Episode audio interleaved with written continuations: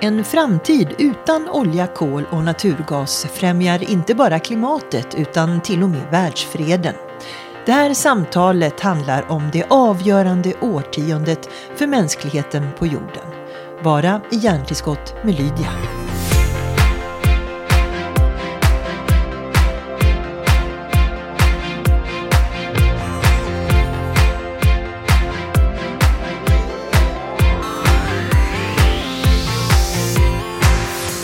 Välkommen Johan Rockström till den här podcasten. Vanligtvis så bor du ju i Berlin så jag blir lite nyfiken. Vad tar dig till Stockholm idag? Förutom att du är här alltså. Ja, nej, jag har det stora privilegiet att fortfarande ha en, en affiliering till Stockholms universitet. Och eh, jag startade ju Stockholm Resilience Center där tillsammans med professor Karl Folke och kollegor.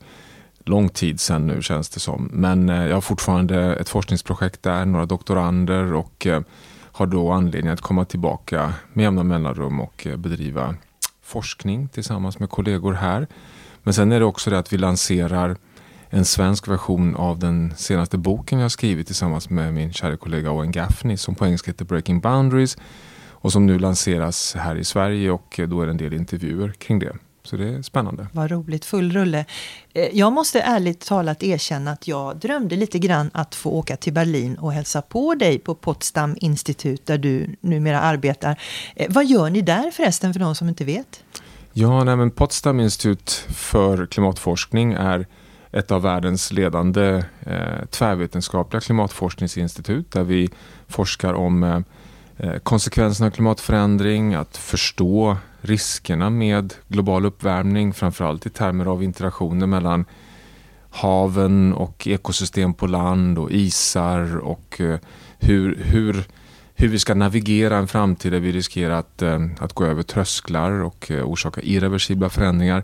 Men sen bedriver vi väldigt mycket forskning där vi tittar på vägar för att lösa klimatkrisen. Så att mm. vi jobbar med några av de stora klimatmodellerna men också så kallade integrerade systemmodeller för att se energiomvandling, eh, innovationer, eh, ekonomiska styrmedel för att kunna klara av att lösa de här utmaningarna. Mm. Så att, eh, det är ett spännande tvärvetenskapligt arbete och jag sitter i ett väldigt legendariskt astrofysiskt institut i något som heter Telegrafenberg precis utanför Potsdam där Albert Einstein och andra satt en gång i tiden och kämpade med relativitetsteorin. Så det, det är en, en spännande vetenskaplig miljö där, eh, precis utanför Berlin. Mm.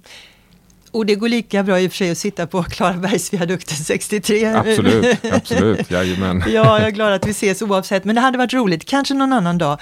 Eh, den här, eh, det här institutet kan man väl säga är en av de största leverantörerna till den fakta som FNs klimatpanel baserar sina rapporter på, kan man uttrycka det så? Ja, inte en av de, en, en av de större kan man säga och framförallt den eh, rapporten som släpptes precis nu i början av mars här när eh, IPCC är organiserat i, i, tre arbetsgrupper. Den, den klimat, alltså fysiken för att förstå hur mycket uppvärmning orsakar vi. Men den andra gruppen som kartlägger konsekvenser av den globala uppvärmningen där är Potsdaminstitutet en av huvudleverantörerna för att vi koordinerar ett, ett stort projekt som heter EasyMIP. Låt mig inte ens försöka översätta den, den eh, akronymen men MIP står för Model Intercomparison Project, det vill säga samlar alla de stora modellgrupperna i världen som forskar just om klimatkonsekvenser. Havsyteökning, torka, översvämningar, bränder, isavsmältning och så vidare. Och vi är liksom koordinerar det. Så man kan säga att den rapporten som släpptes nu från den andra arbetsgruppen, det är en av våra huvud, huvudfokus. Sen om några veckor så kommer då den tredje rapporten som tittar på hur ska vi få en säker, hur ska vi landa säkert inom Parisgränsen på att hålla den globala uppvärmningen väl under två grader.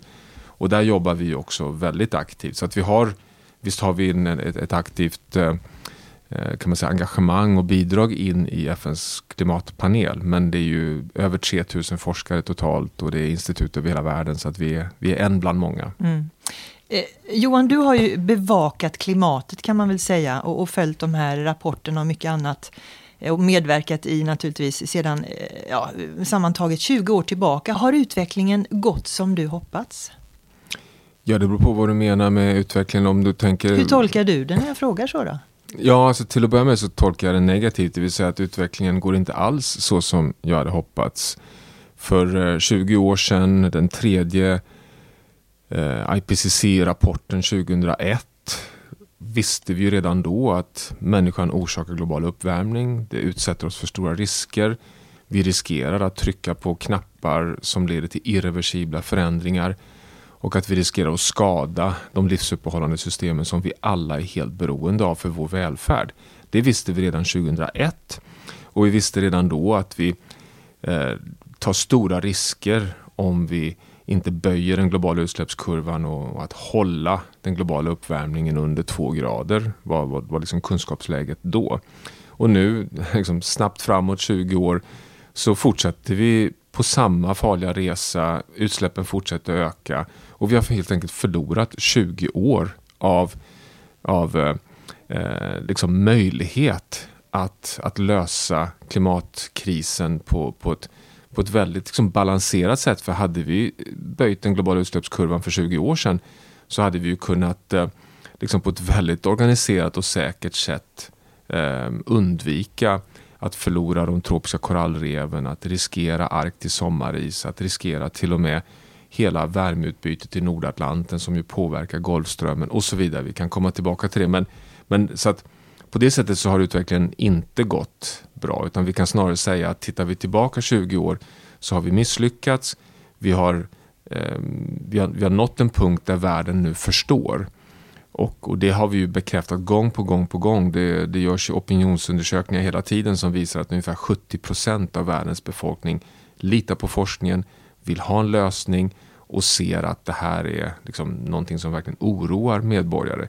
Men vi ser ju än så länge mera löften än en aktivt genomförande från politiker, från eh, de stora aktörerna inom näringslivet. Så det är ju det är en väldigt oro, oroväckande situation. Det är till och med så att att jag och väldigt många kollegor med mig, vilket vi inte kunde säga 20 år sedan, men vi idag säger utan tvekan, nämligen att vi befinner oss mitt i en klimatkris och att vi har ett, vad jag kallar för ett planetärt nödläge. Och, och, och varför uttrycker jag mig så kraftfullt? Ja, vad är ett nödläge? Ja, nödläge är ju ett när någonting helt oacceptabelt håller på att gå förlorat. Ditt hus håller på att brinna ner eller någonting håller på att krascha. Men det blir ju inte ett nödläge bara av risken att huset brinner ner. Jag menar, eh, vi köper ju försäkringar och hoppas ju att huset inte ska brinna ner under vår livstid. Utan vad som gör ett nödläge, det är ju att vi har inte tid. Alltså tiden börjar rinna ut. Och det är ju det som har hänt. Så var det inte 20 år sedan. Idag är det så. Nu har den återstående budgeten vi har kvar av utsläpp för att ha någon chans överhuvudtaget att hålla oss borta från katastrofal klimatförändring, den är ju konsumerad om åtta år. Det vill säga om vi fortsätter bränna kol, olja och naturgas som idag så har vi ätit upp den återstående budgeten som ger oss en chans att hålla oss väl under två grader. Det är varför vi har ett nödläge. Så det är absolut inte så att vi forskare liksom bara höjer tonläget hela tiden varje år som går utan det handlar om att vi har så otroligt mycket bevis och att tiden dessutom inte är på vår sida. Och det här gör mig väldigt frustrerad för att vi har vetat så länge. Det är till och med så att jag skulle säga att ta till exempel eh, diesel och bensindebatten i Sverige idag där eh, vad jag kan förstå folk går ut och, och klagar att herregud de höga dieselpriserna, herregud de höga energipriserna, det här klarar vi inte av, vi behöver ha statens hjälp att, att dra ner skatten. Då säger jag, ja men herregud, vad har ni varit de senaste 20 åren? Jag menar, det är ju inte så att ni inte har vetat att vi kommer till den här punkten. Punkten då vi kommer att ha högre bensin och högre dieselpriser för att vi måste ta betalt för den skada som bensin och diesel orsakar klimatet. Och dessutom så har vi lösningarna. Vi har ju sagt att vi har lösningarna på plats. Elektrifiering, biobränslen. Det finns ju vägar bort från dieseln och bensinen. Du kan ju till och med köpa en elektrisk lastbil från Scania idag. Så att på ett sätt kan jag tycka att, att det, det, det finns liksom skäl att idag hålla kvar vid kursen att nu måste vi lösa de här problemen och vi har vetat det så länge. Så på det sättet kan man säga att under 20 år så har vi inte gjort framsteg slutligen, har vi gjort några framsteg överhuvudtaget? Jo, det har vi ju. För att hade vi gjort en opinionsundersökning för 20 år sedan så hade vi inte fått 70% av medborgarna som hade sagt jo, vi är djupt bekymrade. Vi hade inte haft eh, Fridays for Future och Greta Thunberg och hela ungdomsrörelsen i världen. Vi hade inte haft en stor majoritet av svenska företagsledare som säger att vi vill ha klara spelregler från politiken så att vi kan röra oss mot konkurrenskraftig fossilfrihet. Så det är ju förstås positivt men det, det är fortfarande kan man säga mera prat än verkstad. Men du eh, måste det, ju någon gång känna dig eh, betydligt mer uppgiven än vad du faktiskt har visat. Johan Rockström. För alla år vi har hört dig så har du väldigt pedagogiskt förklarat eh, allting och varit ganska lugn, eh, varit optimistisk. Men nu är det ju rätt mycket som det är för sent för att göra. Att nu handlar det mer om anpassa och ändå försöka hinna ifatt och göra det här någorlunda bra. Mm.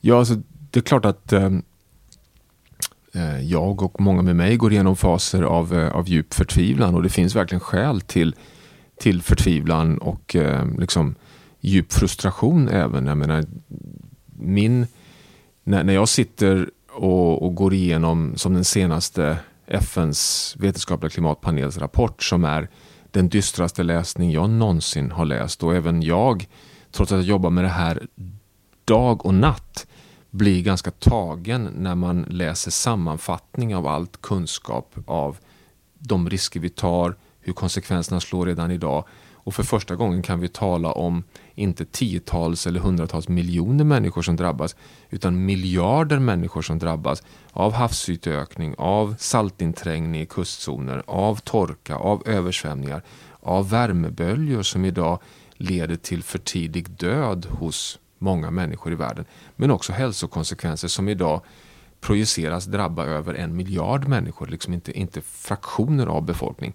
Så klart som sjutton att, att man blir djupt, djupt frustrerad och jag blir ju dubbelt frustrerad av att inte nog med att vi har alla de här beläggen för att vi, vi liksom utsätter oss själva och våra medmänniskor och nästa generationer för oacceptabel risk. Dessutom har vi lösningarna för att komma bort från den här risken. Och det gör ju att det finns en, ett dubbelt skäl till att, alltså om vi, om vi hade stått här och haft en katastrof som ingen vet vad man ska göra åt, då hade man ju kunnat förlåta de som inte agerar. Men nu när vi vet vad vi ska göra, vi, vi lägger inte, inte liksom miljoner på subventioner till olja, kol och naturgas. Vi lägger biljoner, alltså vi lägger tusen miljarder i subventioner direkta och indirekta till kol, olja och naturgas. Så, det, så vi gör så mycket fel. Så klart som sjutton att, att det är frustrerande. Vad är det som då gör att jag kan ändå fortsätta och, och liksom ändå ha en eh, Låt oss säga... Vad bra, en, du ställer en, frågorna till dig själv, det är ja, jättebra. Ja men, ja, men det är som en uppföljning ja. på, för jag vill inte tappa din fråga om liksom, var, varför inte bara stå liksom och, och hytta med nävarna och skrika? Jo, för att vi ser så många tecken på att det finns en väg fram och att vi rör oss i rätt riktning. Och det handlar ju till väldigt stor utsträckning på att vi framförallt har ett, ett, ett näringsliv, en industri i Sverige, i Norden, i Europa, i världen som, som börjar verkligen röra sig signifikant i en riktning mot att se den här fossilfria hållbara resan som en väg till, till ja, in, inte bara att lösa ett problem, men att se konkurrensfördelar och en positiv utveckling. Och att vi har mer och mer liksom stöd för, jag menar ta bara EU, EU har världens mest ambitiösa klimatpolitik. Och EU har nu tagit beslut om att ha halvera utsläppen om åtta år, 2030, och vara på, på noll till ja, 2045. Och det är en, en resa som är i linje med vad vetenskapen kräver och till det har det då lagts ekonomiska styrmedel som handlar om utsläppshandeln av kol där koldioxidpriset nu är uppe i nästan 100 euro per ton koldioxid. Ungefär vad, vad som krävs. Det är vad Sverige har haft sedan 1990, nu har EU det. Och det, det skapar ju väldigt mycket debatt och bråk för att herregud, det innebär ju plötsligt att energipriserna går upp genom taket och kolkraftverk måste stängas ner. Men det är ju precis det vi behöver. Och jag säger bara till politikerna, hang in there, hang in there, för att nu är ni ju på gång och gör rätt saker. Så klart att, att så att jag spelar hela tiden med den här liksom frustrationen med de vetenskapliga beläggen men också att, att jobba konstruktivt med de positiva stegen framåt. Och det är ju så här att det finns liksom ingen, ingen tjänar ju på att liksom sätta sig ner och sura. Utan det, det, enda vägen framåt nu är att hela tiden försöka jobba för en lösning. Oavsett hur dystert det ser ut. Va? Och vi vet ju det och det visar ju också FNs klimatpanel att liksom, en och en halv kommer skapa väldigt mycket utmaningar, en och en halv grads global uppvärmning. Men det blir värre på 1,6 och ännu värre på 1,7 så var tionde grad räknas. Mm. Och, det, och det är det vi kämpar för, att hålla det så långt ner som möjligt. Men man kan ju inte ge upp bara för att vi liksom, okej okay, nu kanske vi har käkat upp budgeten för 1,5. Och, och, och det vore ju väldigt, väldigt olyckligt. Men det, det, innebär ju inte att man kan ge upp för att vi kan ju undvika, vi ska ju hålla oss borta från två under alla omständigheter. Mm. Världen är ju inne i en oerhört dramatisk berättelse. Eh, skulle jag vara manusförfattare nu i, i, filmen Världen så skulle jag nog tycka att det var lite väl tufft nu för det är pandemier och det är den ständiga klimatutmaningen. Och sen kan vi nu då dagligen läsa om Rysslands invasion av Ukraina. Och, och, och vi läser ju också att detta äventyrar leveranser av olja, gas och fossila bränslen i olika sammanhang. Allt det som vi vill bort ifrån. Eh, mm. Kan det vara så, eh, med all respekt för vad som händer, kan det vara så att det här kriget också spär på insikten om hur viktigt det är att vara självförsörjande med energier som kanske inte handlar om just olja, gas och eh, fossila bränslen. Jag vill bara vad du har för kommentarer mm. och framförallt hur ni resonerar kring detta i Potsdam i Berlin. Mm. Nej, det där är en, en, en väldigt viktig fråga och eh, Alltså, till, att börja med, alltså, ingången är ju att, um, att det här är ju bara liksom ytterligare en påminnelse om vilken turbulent tid vi lever i. Och den turbulensen har vi ju vetenskapligt lagt fast under väldigt lång tid. Va? Där vi till och med har dragit slutsatsen att, att världen, mänskligheten, har gått in i en helt ny geologisk epok, antropocen, där vi är en så stark globaliserande kraft att vi påverkar hela planetens stabilitet. Och det här gör vi ju i den i den hopkopplade globaliserade ekonomin och pandemin var ett, ett uttryck för det. Någonting går fel i ett hörn av planeten, i Wuhan, i Kina och så smäller det i hela världen så har vi plötsligt en pandemi. Och på samma sätt sker det idag med klimatförändringar. Va? Någonting går fel i Amazonas eller det smäller upp i Arktis med att jetströmmen bromsar ner och så får du bränder och översvämningar och värmeböljor. Och sen till det här får du då den här geopolitiska smältdegen med Ryssland som invaderar Ukraina som förstås inte är drivet av klimatförändringar men det får konsekvenser. Och det här får ju dramatiska konsekvenser även bortom energifrågorna. Alltså kom ihåg att Ukraina är ju en av världens största exportörer av spannmål. Och eh, vi såg ju redan under arabiska våren där bränder och torka förstärkt av global uppvärmning ledde till att både Ryssland och Ukraina stängde sin export av spannmål som drev på matpriserna som då var ett bränsle i, i alla demonstrationer i framförallt i Kairo och Egypten. Så vi har ju redan sett en gång hur Ukraina har spelat en roll i liksom destabilisering av, i det här fallet i Nordafrika och arabiska våren. Och nu har vi ett, ett nytt läge. Och det är klart att, att det här fullständigt förfärliga som Ryssland nu håller på och genomför som är liksom en, en katastrof i sig själv. Att ha ett krig i Europa 2022. Det trodde vi aldrig skulle liksom drabba oss igen. Men det går ju inte att utesluta, precis som du indikerar, att, att det här faktiskt leder till att de stora ekonomierna, framförallt i, i Europa, förstår att här gäller det att så fort som möjligt fasa bort, alltså koppla sig ifrån beroendet av rysk olja och gas. För att verkligheten är ju det att nästan 50 procent av rysk ekonomi kommer från olja och gas. Så att, så att det är fossila bränslens intäkter som är finansiär av kriget. Och vem är det som betalar den notan? Ja, det är ju Tyskland i stor utsträckning som är en av de stora importörerna. Men det är också Holland. Det, alltså det är, alltså Europa är 70 procent av rysk export av gas är köpt och importerad av europeiska länder. Så att jag ser ju redan idag, jag menar det har ju, för två dygn sedan var det ju förbundskansler Olaf Scholz som gör klart att nu ska vi, jag menar att, att, att Nord Stream 2, den här eh, gaspipelinen som är oerhört debatterad, kommer ju nu att, att kommer ju inte kopplas på. Och eh, att Tyskland nu ser att man måste ytterligare ta ännu ett steg i, i, i den accelererade vägen bort från fossila energikällor. Så, att, så visst, det här kan ju Eh, definitivt, eh, hoppas jag, få till konsekvens att vi förstår att, att, det har vi vetat länge, att fossila energikällor, alltså olja, kol och naturgas, är en källa till, eh, till, till beväpnad, väpnade konflikter. Och det här ser vi i Nigeria och vi ser det i Irak och vi ser det i Iran och vi ser det, jag menar, du kan ju bara titta på vår historia så ser vi att det här är ju en källa till konflikt. Och om man tänker sig i framtiden, där varje land plötsligt blir sin egen energi, en energiförsörjare. För att sol och vind kommer att i princip kunna vara en, en huvudleverantör i varje land och där vi kan knyta ihop våra demokratiska ekonomier på ett sätt som kan stabilisera energiflöden mellan länder. Det här är ju liksom en, man kan nästan se omställningen till en fossilfri framtid också som ett fredsprojekt.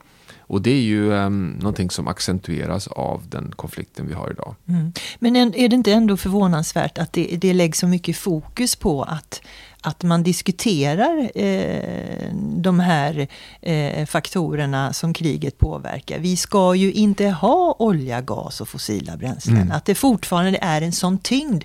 Eh, i, I kontexten att du tidigare sa att vi är på väg åt rätt håll. 70 procent av de som ska fatta eh, har fattat det här. Mm. Men fortfarande så, så eh, resonerar både media och ledare om just de här eh, bränslealternativen så att säga i, i, i, som, som om det var lösningen på framtiden. Mm. Nej, men jag, alltså, det, är, det är en oerhörd besvikelse och det verkligen förvånar mig. Och jag skulle säga att alltså jag har ju även innan kriget bröt ut eh, liksom haft uppfattningen att till och med svenska riksbanken underskattar inflationsrisken för att de talar om energiprishöjningarna nu som något temporärt bara. Va? Men det är inte alls temporärt. Det här är liksom It's here to stay.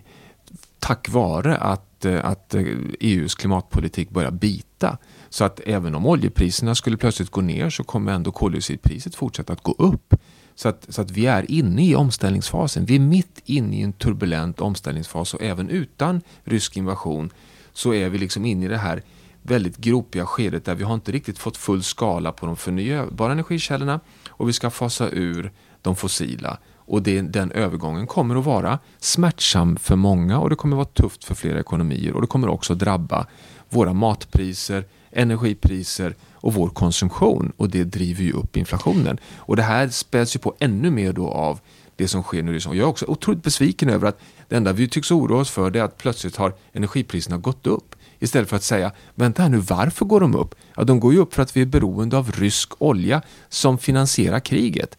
Om vi bara kapar den trossen så kommer inte Ryssland ha råd med det här kriget. Det är ju lösningen. Varför känns det som om Ryssland som nation och stat har varit utanför de här målsättningarna och diskussionerna sedan länge? Jo, men känslan beror ju på att eh, de har varit utanför. De har, de har suttit på, på staketet och aldrig varit särskilt de har aldrig varit liksom rena obstruerat bara, liksom som Saudiarabien exempelvis, som bara liksom har skickat in eh, destruktiva argument hela tiden. Men de har heller inte engagerat sig utan eh, Ryssland har liksom valt att, eh, att sitta passiva på staketet och det har ju förstås berott på två saker. Jag menar, ett är ju att det är en, en nation som nästan till 50 procent, eh, liksom hela dess ekonomi bygger liksom på, på olja och gas.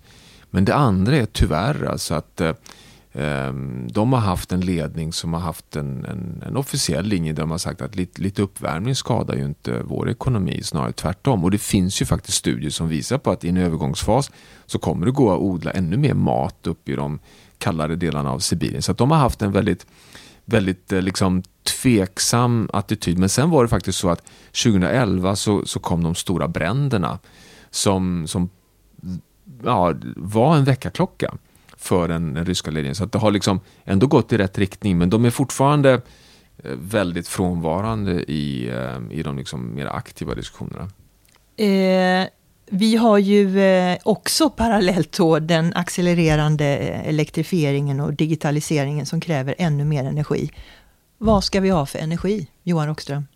Vad ska vi, ha, vad, vad ska vi använda för energikällor? Mm.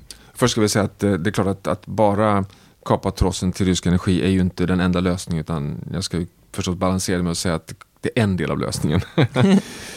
vad ska vi ha för energi? Ja, alltså, det finns ju inte, inte en, en, ett svar på den frågan utan det är verkligen en, en mångfald. Det är, det är liksom ett smörgåsbord av lösningar. Och jag tror att eh, vi måste börja, eller verkligen förstå att, att det är ett akutläge i meningen att eh, tiden för de fossila energikällorna är nu räknad. Vi har bara liksom årtionden kvar tills vi ska ha en fossilfri världsekonomi, alltså det vill säga mindre än 30 år.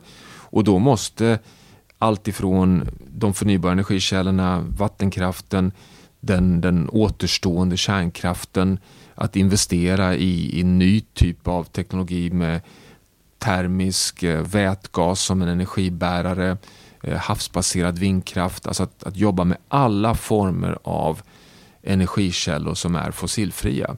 Och, och vända varje sten. Va? Att, att Tyskland nu, till och med, till och med Tyskland är, är villiga att liksom, ompröva som en om, i en omställningsfasen att, att öppna upp även de återstående, några av de återstående kärnkraftverken. Jag, jag ser att det liksom, eh, man kan ha väldigt, väldigt många bra argument emot kärnkraft. Men, men det är en, en så pass stor risk med att behålla eh, status quo när det gäller de fossila energikällorna. Så jag, jag, känner att vi, vi måste verkligen acceptera alla typer av av alternativ. Och där i, i, den, i den ekvationen så, så är ju en central del också samarbete.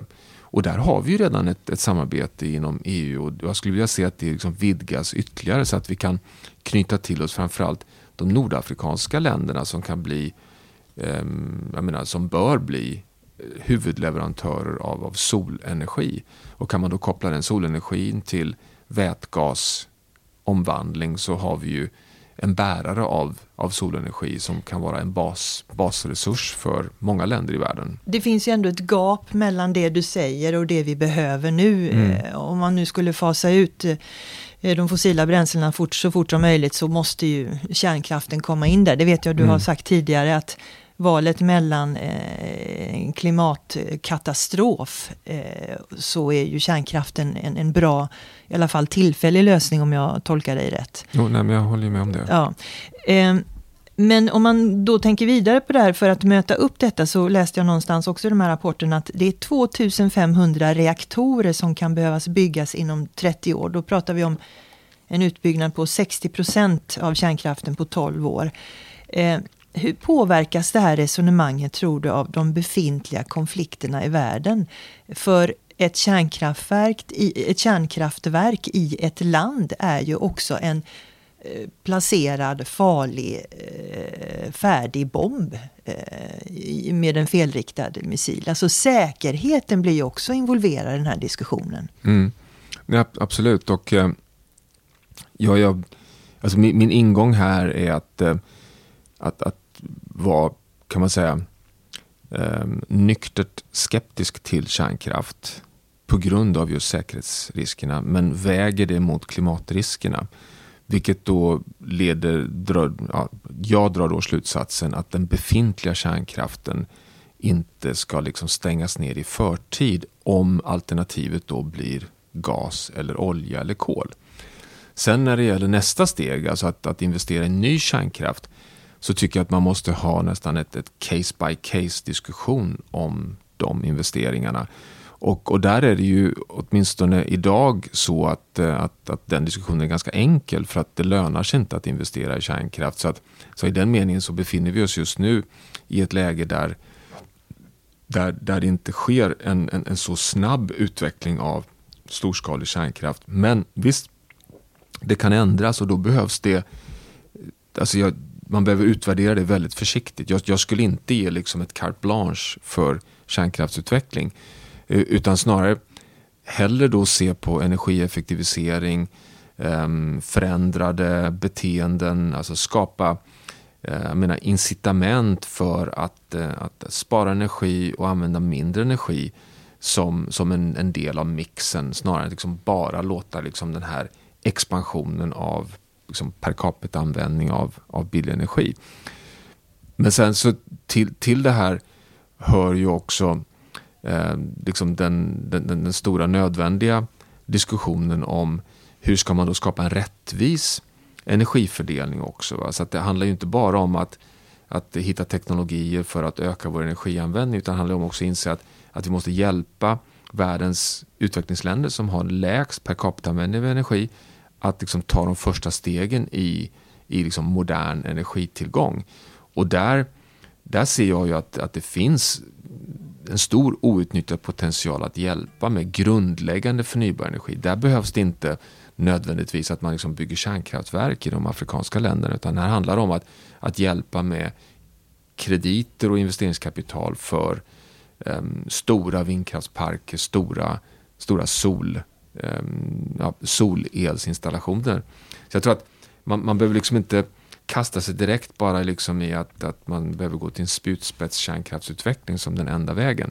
Sen har vi ju utmaningen med de stora ekonomierna som Kina som ju har över hundra kolkraftverk liksom, som ligger liksom i deras investeringsplaner. Hur ska vi få stopp på det? Det är ju liksom kanske den mest akuta frågan. För det måste vi få stopp på. Indien likaså. Att, att undvika att Indien har både kärnkraft och kolkraft. Och där tror jag att man måste etablera vad, vad ja, förbundskansler Olaf Scholz men också president Biden har föreslagit, alltså klimatklubbar. Det vill säga att man, man har allianser mellan framförallt USA, EU, Kina och Indien, de fyra giganterna och försöka att, att komma överens om alltså hur ska man kunna hjälpa varandra att, att, att ha en energimix som både ger bra ekonomisk utveckling och välfärd men också undviker att, att de här stora aktörerna tillåts fortsätta göra de stora misstagen. Och där tror jag inte FN har liksom orkat hantera det utan man kan, man kan snarare agera med, med den här kraften av de stora aktörerna. Men det kräver ju förstås att de har ledare som är förnuftiga. Mm. Men de här kriserna som vi ändå har varit med om, eh, puttar de oss lite snabbare framåt mot lösningar? Tror du vi behövde några av de här eh, som ett slags uppvaknande? Ja, alltså det har vi ju, jag inkluderat, eh, hoppats på.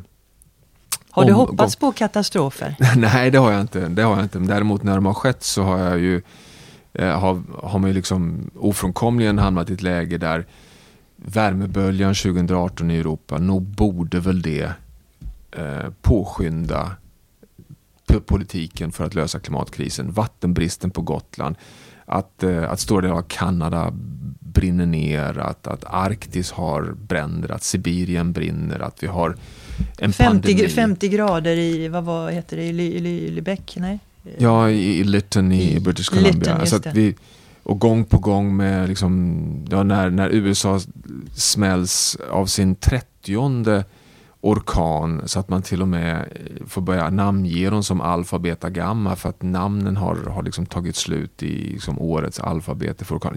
Allt det här borde ju leda till nervositet och, och att man börjar agera. Pandemin borde också leda till att man agerar för att pandemin är ju en zoonos som är alltså ett virus som spiller över från vilda djur till oss människor som är orsakat av att vi har en ohållbar liksom, exploatering och penetrering in i naturliga habitat. Om du tittar på kurvan av zoonoser så går den också upp i takt med den här globaliserade risken vi tar. Så att vi borde ju lära oss. Varför lär vi oss inte? Det är ju en oroväckande, verkligen oroväckande faktor. Men, men jag tror att det sjunker in steg för steg. Alltså jag, vi, vi gjorde ganska nyligen en opinionsundersökning i alla G20-länder, alltså världens 20 största ekonomier och ställde för första gången frågan Är du oroad för att vi ska eh, korsa trösklar, alltså tipping points, det vill säga att orsaka irreversibel skada på de livsuppehållande systemen i världen som Grönlandsisen och Golfströmmen och Västantarktis.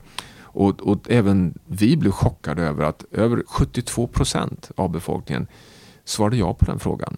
Det var till och med så att vi fick tillbaka, gå tillbaka och kolla om vi hade fått något fel på datamaterialet eller hade liksom haft en bias i vilka vi frågade. Men det här var alltså, visar bara att det, det finns liksom, tror jag, en, en, en ökad känsla av att hmm, det, är liksom, det står inte helt rätt till. Va?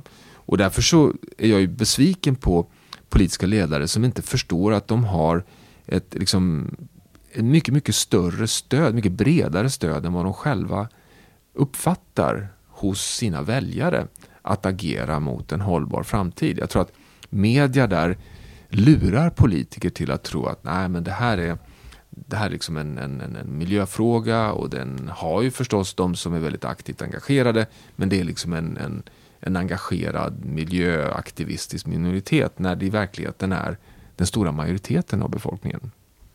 Kolkraftverken eh, ger ju naturligtvis mycket arbete och det är väl det ibland politikerna i andra länder kan använda sig av att ja, vi kan dra ner på kolkraftverken men vad ska då alla folk, alla personer som jobbar här eh, försörja sig på? Vad ska de ha på bordet? Det är, den, det är hela tiden den eh, balansen som alla politiker eh, får framför sig känns det som.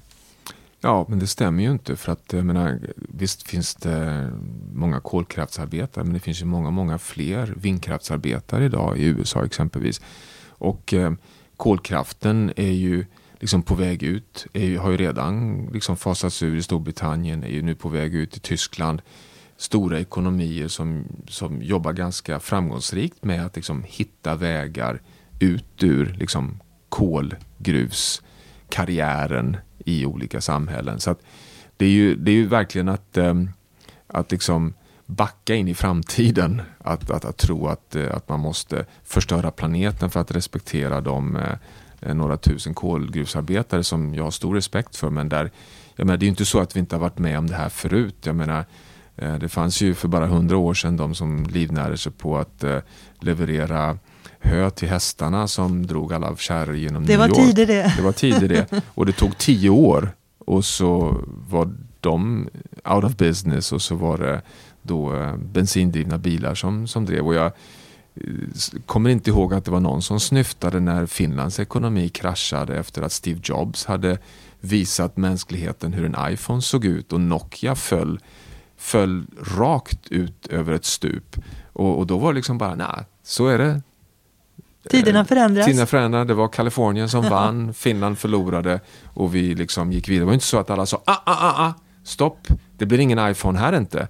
Begrav den där teknologin för vi måste ju rädda de finska Nokia-arbetarna. Mm, mm. Så att nu får vi faktiskt stopp och belägg här. Vi måste gå bakåt i framtiden. Vi kan ju inte hålla på så här. Och, och Kodak var det ju väldigt synd om. Alltså, en vi, klassiker. Ja, det är en klassiker. Va? Och det, är ju inte, det var ingen som som satt och, liksom snyftade för Kodak, Blackberry, eh, Motorola, Ericsson, Nokia. Men alltså att tiderna förändras och, och det är det som är spännande. Va? Att eh, hela den här agendan, alltså den fossilfria vägen är ju en väg till ny modernitet. Jag menar titta på Nya Norrland. Titta vad som händer med Hybrid, med H2 Green Steel, med hela Northvolt-utvecklingen.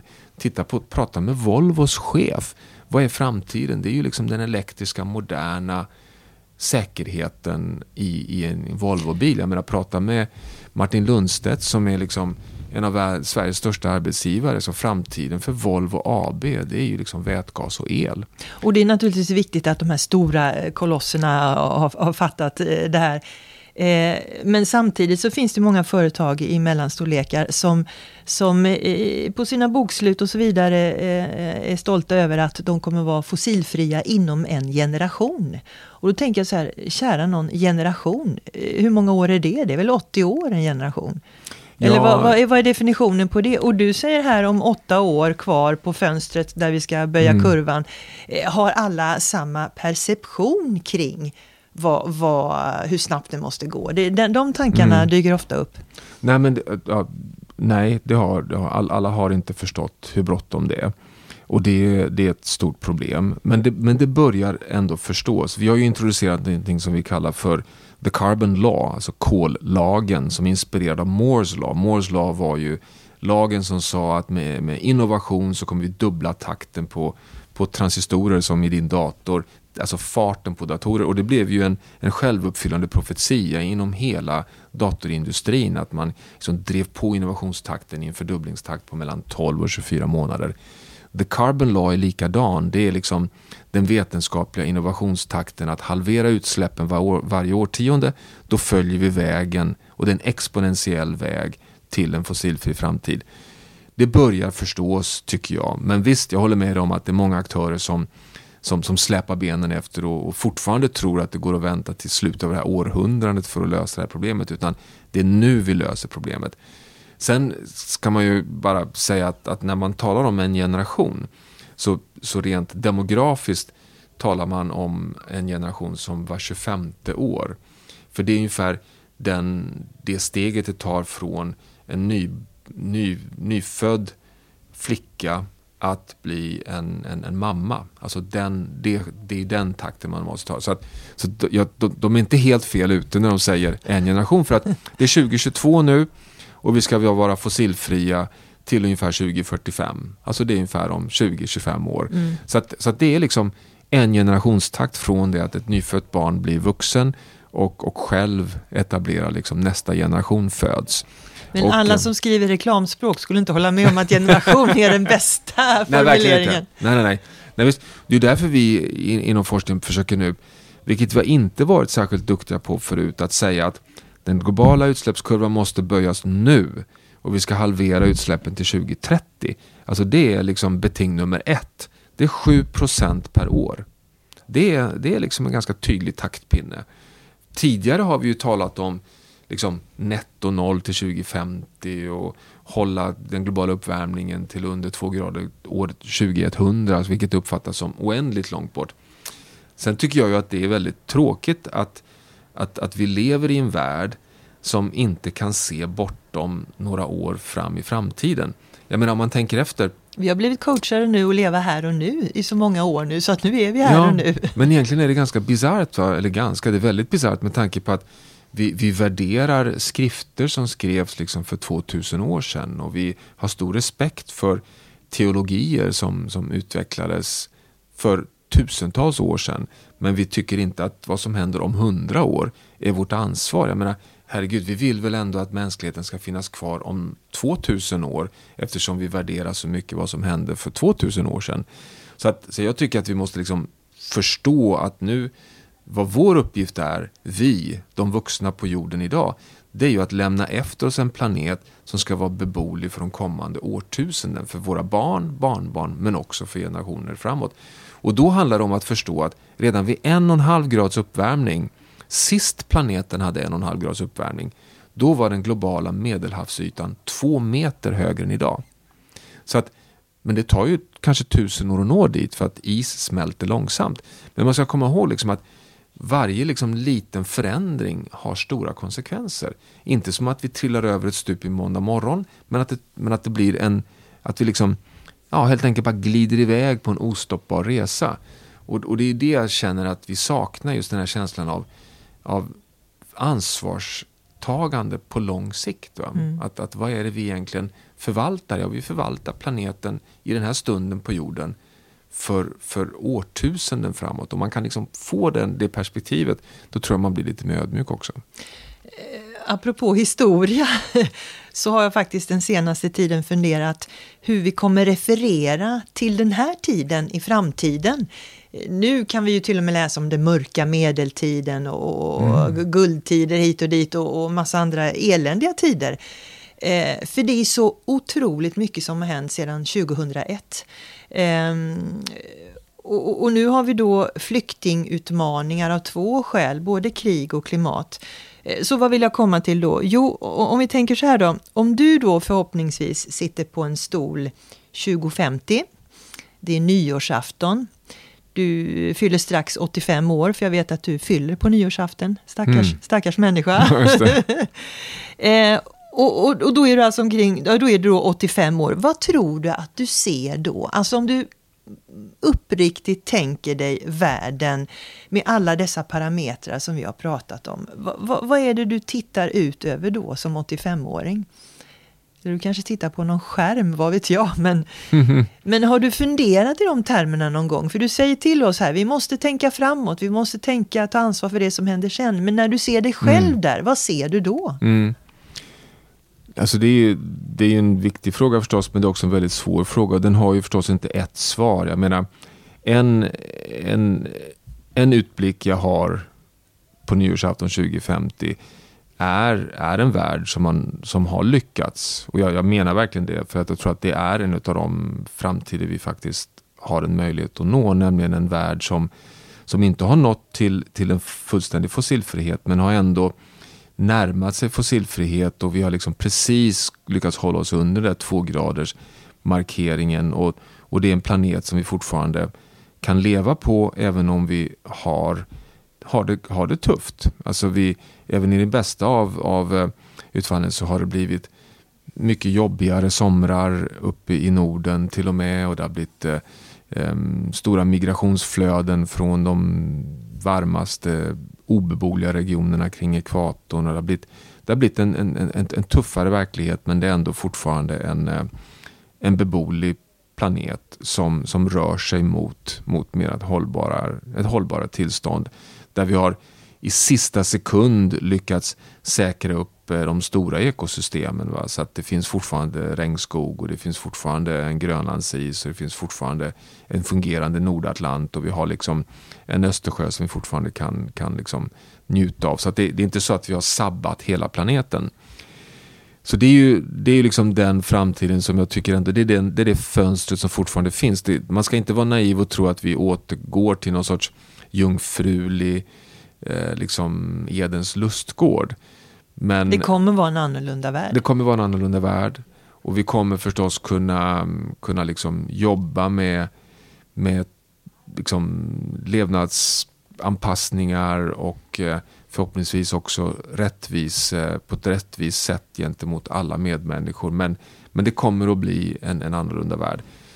Men sen går det ju inte att utesluta att det finns liksom en, en annan framtid som är framtiden där, där utsläppskurvan bara fortsätter öka. Och vi liksom kraschar igenom den där två graders gränsen ungefär någon gång, ja, kanske någon månad innan nyårsafton. Det är någonstans där det, det riskerar att ske. Och att, och att man då inte ser någon, någon, något stopp på, på, på det på grund av att vi ser att skogar dör och släpper ifrån sig ännu mer växthusgaser. Permafrosten tinar, släpper ifrån sig ännu mer metan.